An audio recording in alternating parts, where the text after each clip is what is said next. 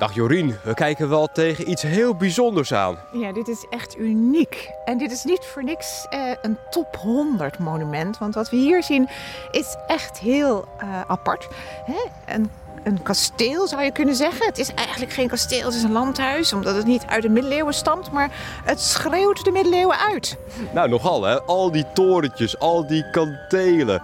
Het is echt heel erg bijzonder kasteel Schaffelaar. Zeker als je er zo dichtbij staat. Ja, als je er zo dichtbij staat en alle details ziet van de decoratie, dan, dan snap je pas echt hoe men hier de middeleeuwen heeft willen laten herleven. Kijk maar eens naar die, naar die waterspuurs. Alsof je inderdaad uh, nou ja, aan, een, aan een middeleeuwse kerk uh, passen die. Maar uh, die zijn hier in Barneveld teruggebracht ja, ook gemaakt, hè? zoals uh, aan de middeleeuwse kerken te zien. Nou, dat, dat maakt uh, Schaffelaar echt uniek. Ik kijk heel vaak naar het kasteel als ik uh, vanuit de trein, als ik in de trein zit van Ede naar, naar Amersfoort. Aan de rechterkant zie je het liggen, vlakbij het station.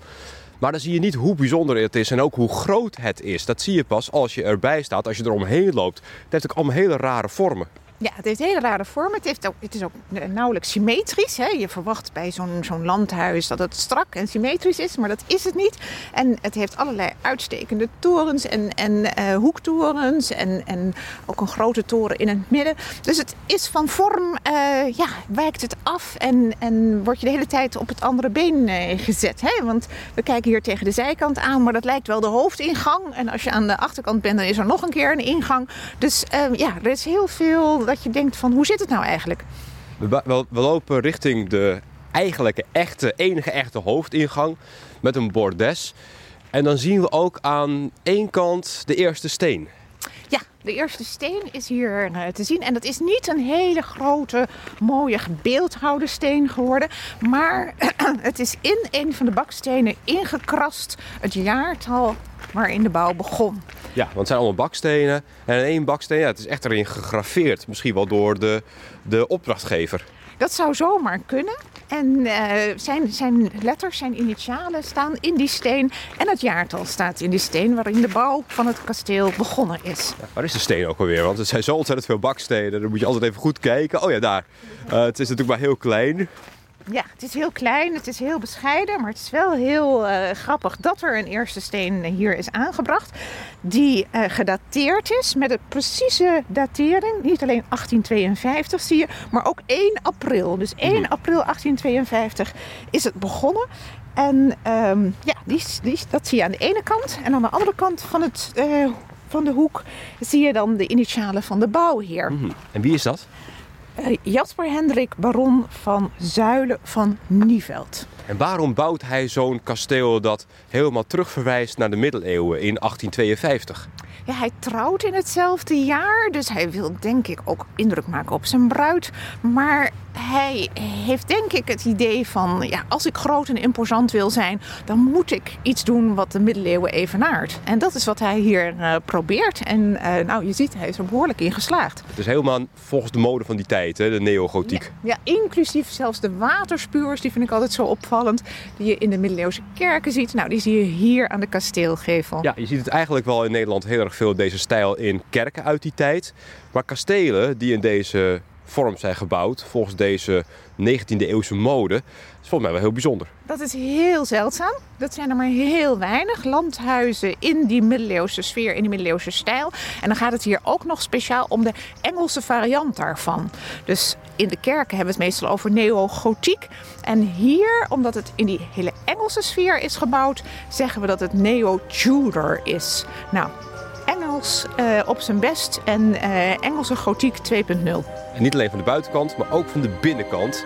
En die gaan we nu bewonderen. We gaan via de enige echte hoofdingang, via het grote bordes naar binnen, Jorien.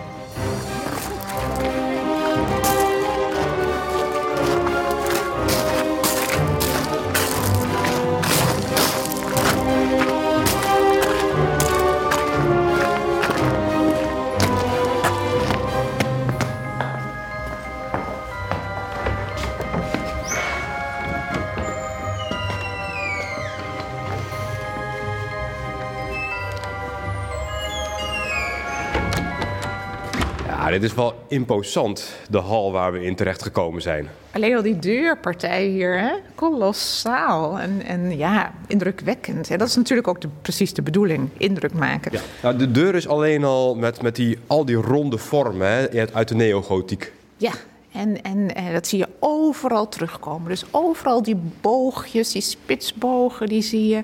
En uh, die vormen die echt bij de middeleeuwen horen. Het plafond is echt heel bijzonder. Dat is misschien wel het meest bijzonder van de schaffelaar. Het plafond wat je hier ziet in deze vestibule. En uh, dat is neo-Tudor op zijn best. En we noemen dit een plafond met allerlei hanggewelfjes. Dus het plafond komt zo naar beneden hangend. En is heel erg verfijnd in stuk gedecoreerd. Met motieven die allemaal herinneren aan, aan de middeleeuwen. Als we even nog naar buiten kijken, dan zien we de kerktoren, de beroemde kerktoren van, van Barneveld, waar Jan van Schaffelaar, de ridder uit de late middeleeuwen vanaf zou zijn gesprongen. Ik denk wel dat het echt gebeurd is. Alles wijst daar wel op dat het een waar gebeurd verhaal is. Heel beroemd geworden, eigenlijk wel in de Nederlandse geschiedenis ook. Is dit kasteel vernoemd naar de ridder die in de late middeleeuwen van de kerktoren van Barneveld afsprong? Zeker is de Schaffelaar vernoemd naar Jan van Schaffelaar.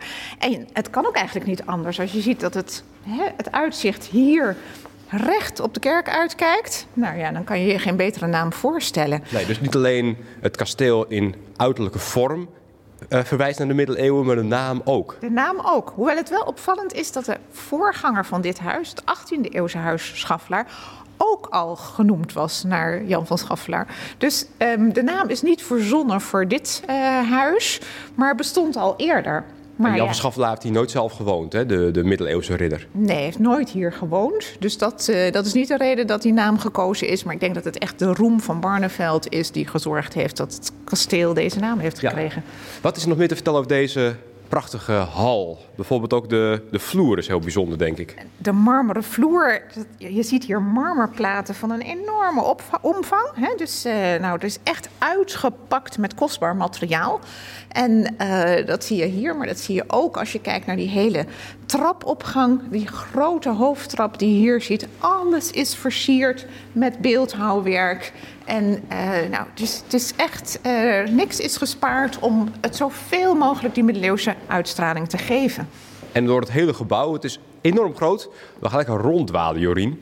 Ja, het is inderdaad heel erg groot. Een kwart van dit formaat zou je al met gemak een kasteel noemen. Maar uh, ja, dit is echt heel erg groot. En nou ja, je ziet overal weer details die je terugbrengen naar uh, de middeleeuwen. Zoals dit, um, deze paal, trappaal. Hè, met, met ook weer die decoratie die rechtstreeks terug verwijst naar uh, ja, Engelse kerken.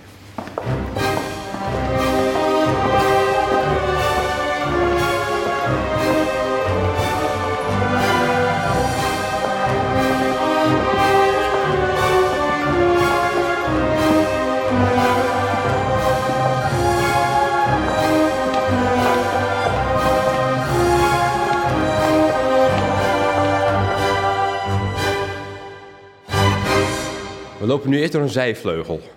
Ja, en dat is een heel bijzondere zijvleugel. Je ziet hier de zijingang, maar die is van zo'n formaat dat je zou denken dat het de hoofdingang is. Maar dat is het niet, het is slechts de personeelsingang. Nou, dat maakt het al heel uh, bijzonder. En als je naar de plattegrond kijkt van de schaffelaar, dan blijkt meer dan een kwart van de omvang van de hoofdverdieping en de bovenverdieping blijkt de personeelsvleugel te zijn. En een personeelsvleugel van die omvang, dat is echt heel erg bijzonder voor een huis uit een kasteel uit het midden van de 19e eeuw. Dus dat, dat heeft hier een allure gekregen om, om ook mee, uh, ja, met het personeel ook te pronken, denk ik. Hè? Dat je laat zien van, kijk eens, ik kan zoveel personeel betalen, ik kan ze hè, op deze manier uh, onderbrengen in, in mijn huis. Dat, dat die, die personeelsvleugel van de schaffelaar echt heel bijzonder. Ja, ook de trap hier. Dit is ook de trap voor het personeel. Nou, dat is geen klein trappetje, een beetje weggewerkt in een muur. Nee, het is echt een pontificale trap. Het zou niet misstaan in een gemiddeld kasteel, deze trap. Maar het is slechts de diensttrap. Ja, het zou niet misstaan als de hoofdtrap in een kasteel. Precies. Je zou denken van nou, hè, hier uh, heb je een, een, een, een rijke trappartij. Breed En, en eh, echt zo een, een luie trap, zoals we dat noemen. Hè. De treden ver uit elkaar, zodat je makkelijk die trap op kunt lopen. Een diensttrapje is meestal veel smaller en steiler. Maar niet hier op de Schaffelaar. Hier is het gewoon allemaal uitpakken. En als we hier naar links lopen, zo'n zaal in, we lopen even een, een deur door een zaal in, dan is dit, is dit ook een dienstvertrek geweest? Nee, dit is niet een dienstvertrek geweest. Of tenminste, ik eh, vergis me misschien. Ik heb de plattegrond bij me. Ja, het is zo groot, zoals jij hebt een plattegrond nodig. Ik heb de plattegrond nodig om te kijken eh, waar we zijn. En eh, ja, we zijn hier in een kamer die wel bij de kamers van de vertrekken Oh ja. van de familie hoort. En dit stuk, dat echt naar achter uitsteekt, is dan personeels, zijn de personeelsvertrekken. Ja, met een washok.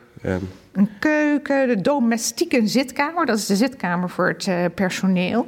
Nou, een dubbel privaat voor het personeel, dus een dubbele wc. Ik denk dames, heren wc. Ja. Nou, wie zal het zeggen? Maar eh, hier komen we dan dus weer in het deel van het kasteel wat voor de familie bedoeld was.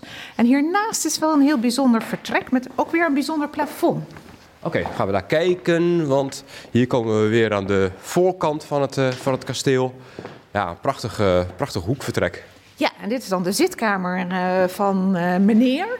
En hier zijn ook de familiewapens van de bouwheer en zijn vrouw in het plafond aangebracht. In stukwerk zien we het wapen van Zuilen van Nijveld en het wapen van zijn vrouw van Tuil van Serooskerken. Nou, dat past natuurlijk echt wel bij een, bij een herenzitkamer. Als we hier nog doorlopen, nog verder doorlopen naar eh, zijvertrek, ja, dan zie je overal weer die prachtige plafonds ook. Het zijn allemaal hele grote zalen, prachtige deuren, schitterende vloer, plafond heel mooi. Ja, het is, eh, het is heel rijk van uitvoering en, en ook heel degelijk. Hè. Er, er is gewoon, alles is er nog. Als je kijkt naar die, naar die schouwpartijen, die schouwmantels die je hier ziet. Het is allemaal uitgevoerd in degelijk materiaal, kostbaar materiaal ook. Maar allemaal nou, alsof, het, alsof het gisteren gemaakt is. Er is niks aan kapot, er is niks aan, eh, aan eh, eh, beschadigd. Dus het is ook in, in materiaalgebruik is Schaffelaar ook heel bijzonder. Ook als we bijvoorbeeld kijken naar de kozijnen. Die zijn van gietijzer hier. En ook de grote toegangs, eh, het grote toegangshek aan het begin van, de, van het park is ook van gietijzer gemaakt. Nou, dat gebruik van gietijzer in 1840 is gewoon echt heel bijzonder. Je denkt van het wordt alleen bij een fabriek of in de industrie toegepast, maar hier wordt het in een landhuis toegepast. Nou, hoe bijzonder is Ja, dat? En dat past ook heel goed in die neogotiek voor mijn gevoel. Ja, absoluut. Het, ja, het heeft inderdaad eh, ja, een soort robuustheid die heel erg bij deze stijl past. We komen hier weer terug in de hal, steken we over. Dan komen we nu uit in een bar, want Kasteel Schaffelaar is in gebruik als horecagelegenheid, feestlocatie. Vergaderingen worden hier gehouden. Je kan hier grote feesten organiseren. En hier heb je de bar met daarachter, ja, dat vind ik echt prachtig en heel erg bijzonder. Een soort grote vitrinekast waar alle glazen in staan, koffieautomaat. Maar ook weer in zo'n prachtige neogotiek stijl. Ja, het, het schreeuwt het uit. Hè? Het schreeuwt de middeleeuwen uit wat je hier ziet. Het is inderdaad een wandmeubel bedoeld om allerlei serviesgoed in uit te stallen. Want oorspronkelijk was dit ook de antichambre of gewone eetkamer. Zo staat het op de plattegrond. Dus ehm, hier eh, ja, was de alledaagse eetkamer. Als er grote ontvangsten waren, werd dat natuurlijk in de zaal eh, gegeven. Maar dit was voor het alledaagse, de alledaagse eetdiners. en en eh, ja, zo'n zo'n wandmeubel zoals je hier ziet, dat het er nog is, is gewoon uniek. En dat het nog steeds eigenlijk diezelfde functie heeft, is heel grappig. Maar die detaillering van die stijl, die middeleeuwen, die, die, nou, ja, die, het, het, het druipt eraf. Ja, het druipt eraf. En het is ook, nou ja, het, het zou ook niet meer staan in een sprookje van de Efteling.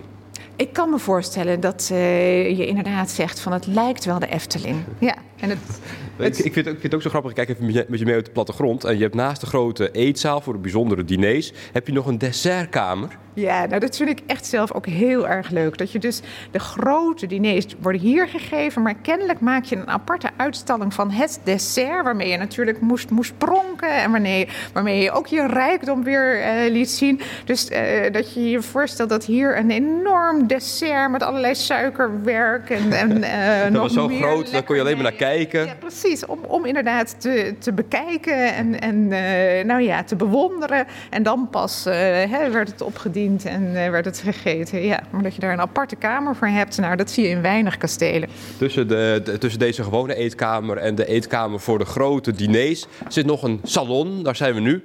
Ja, die is ook weer echt schitterend. Met een, een, een tussendeur daarin die ook weer helemaal die neogotiek uitstraalt. Ja, uitschreeuwd zou je kunnen zeggen. Uitschreeuwt, ja. En, en eh, dat geldt Ook de natuurlijk zijdeuren Ja, precies. Ja. Je, je ziet het hier. eh, En vooral die puntige bogen, hè, die zo kenmerkend zijn voor die stijl, die zie je hier in optima vormen. En wat ik hier ook heel erg mooi vind, dat zijn de schouwpartijen. In marmer uitgevoerd, ook helemaal doortrokken van die gotiek. Dus helemaal de middeleeuwen die je hier ziet. Het enige wat dan opvalt, is dat het plafond hier veel simpeler is. En daar is een reden voor. Ja, want het plafond dat is eh, aan, de, aan de zijkanten nog heel erg mooi uitgewerkt. Een beetje ook dat druipsteen, grotachtige gevoel krijg je erbij. Maar in het midden, zowel in de salon als hiernaast in de chique eetkamer... daar is het plafond in het midden gewoon gelaten. Ja, nou is het zo. Gewoon dat, vlak. eh, ja, maar dat is er modern tegen aangezet. Dat heeft met geluid te maken. Dus het, het loopt door die vorm die je aan de randen ziet. Mhm. En die, die vorm die je aan die randen ziet, dat lijkt wel op een omgekeerde eierdoos. Ja, Hè, dus dat is wat je hier ziet. Wat natuurlijk de bedoeling was, is, dat was om dit nog verder te verfraaien, zoals de, het plafond in, in de grote vestibule die we hebben gezien. Dus het was de bedoeling om hier diezelfde enorm rijke uitwerkingen in gotische vormen tegen het plafond aan te brengen. Alleen dat is nooit gebeurd. En de reden daarvoor is dat in 1852 begon eh, de bouw van het huis. In dat jaar trouwde de bouwheer. Er wordt een zoontje geboren. Maar die eh, overlijdt heel jammerlijk op eenjarige leeftijd. Dat gebeurt in 1854. En toen is men verder gestopt met de verdere verfraaiing van het kasteel. Het is natuurlijk een dramatisch familieverhaal. Maar dat, dat zie je hier gewoon eh, uitgedrukt in het plafond wat we hier zien. ja, de bouwheer met zijn vrouw, ze waren zo bedroefd dat er niks meer uit hun handen kwam. Ja, dat zou je kunnen zeggen. En, en je voelt de, het drama, voel je hier eigenlijk als je naar dit plafond kijkt. Ja, dus ze zijn er wel blijven wonen. Ja, zeker. Zijn hier wel blijven wonen en de volgende generaties ook. Dus eh, nou, daar heeft het niet aan ontbroken. Maar het was natuurlijk een heel ingrijpend familiedrama. En eh, nou, je kunt je voorstellen dat ze inderdaad eh, eh, het niet meer zagen zitten. En, en gewoon gestopt zijn met, met het verder verfraaien van het kasteel. Dramatisch verhaal, maar ook wel heel mooi dat we dat weten. Ja, ja, het is heel mooi dat we dat soort familieverhalen kennen. En dat we die ook kunnen vertellen en kunnen uitdragen. Zeker. Dat was weer prachtig, Jorien. Dankjewel. Graag gedaan.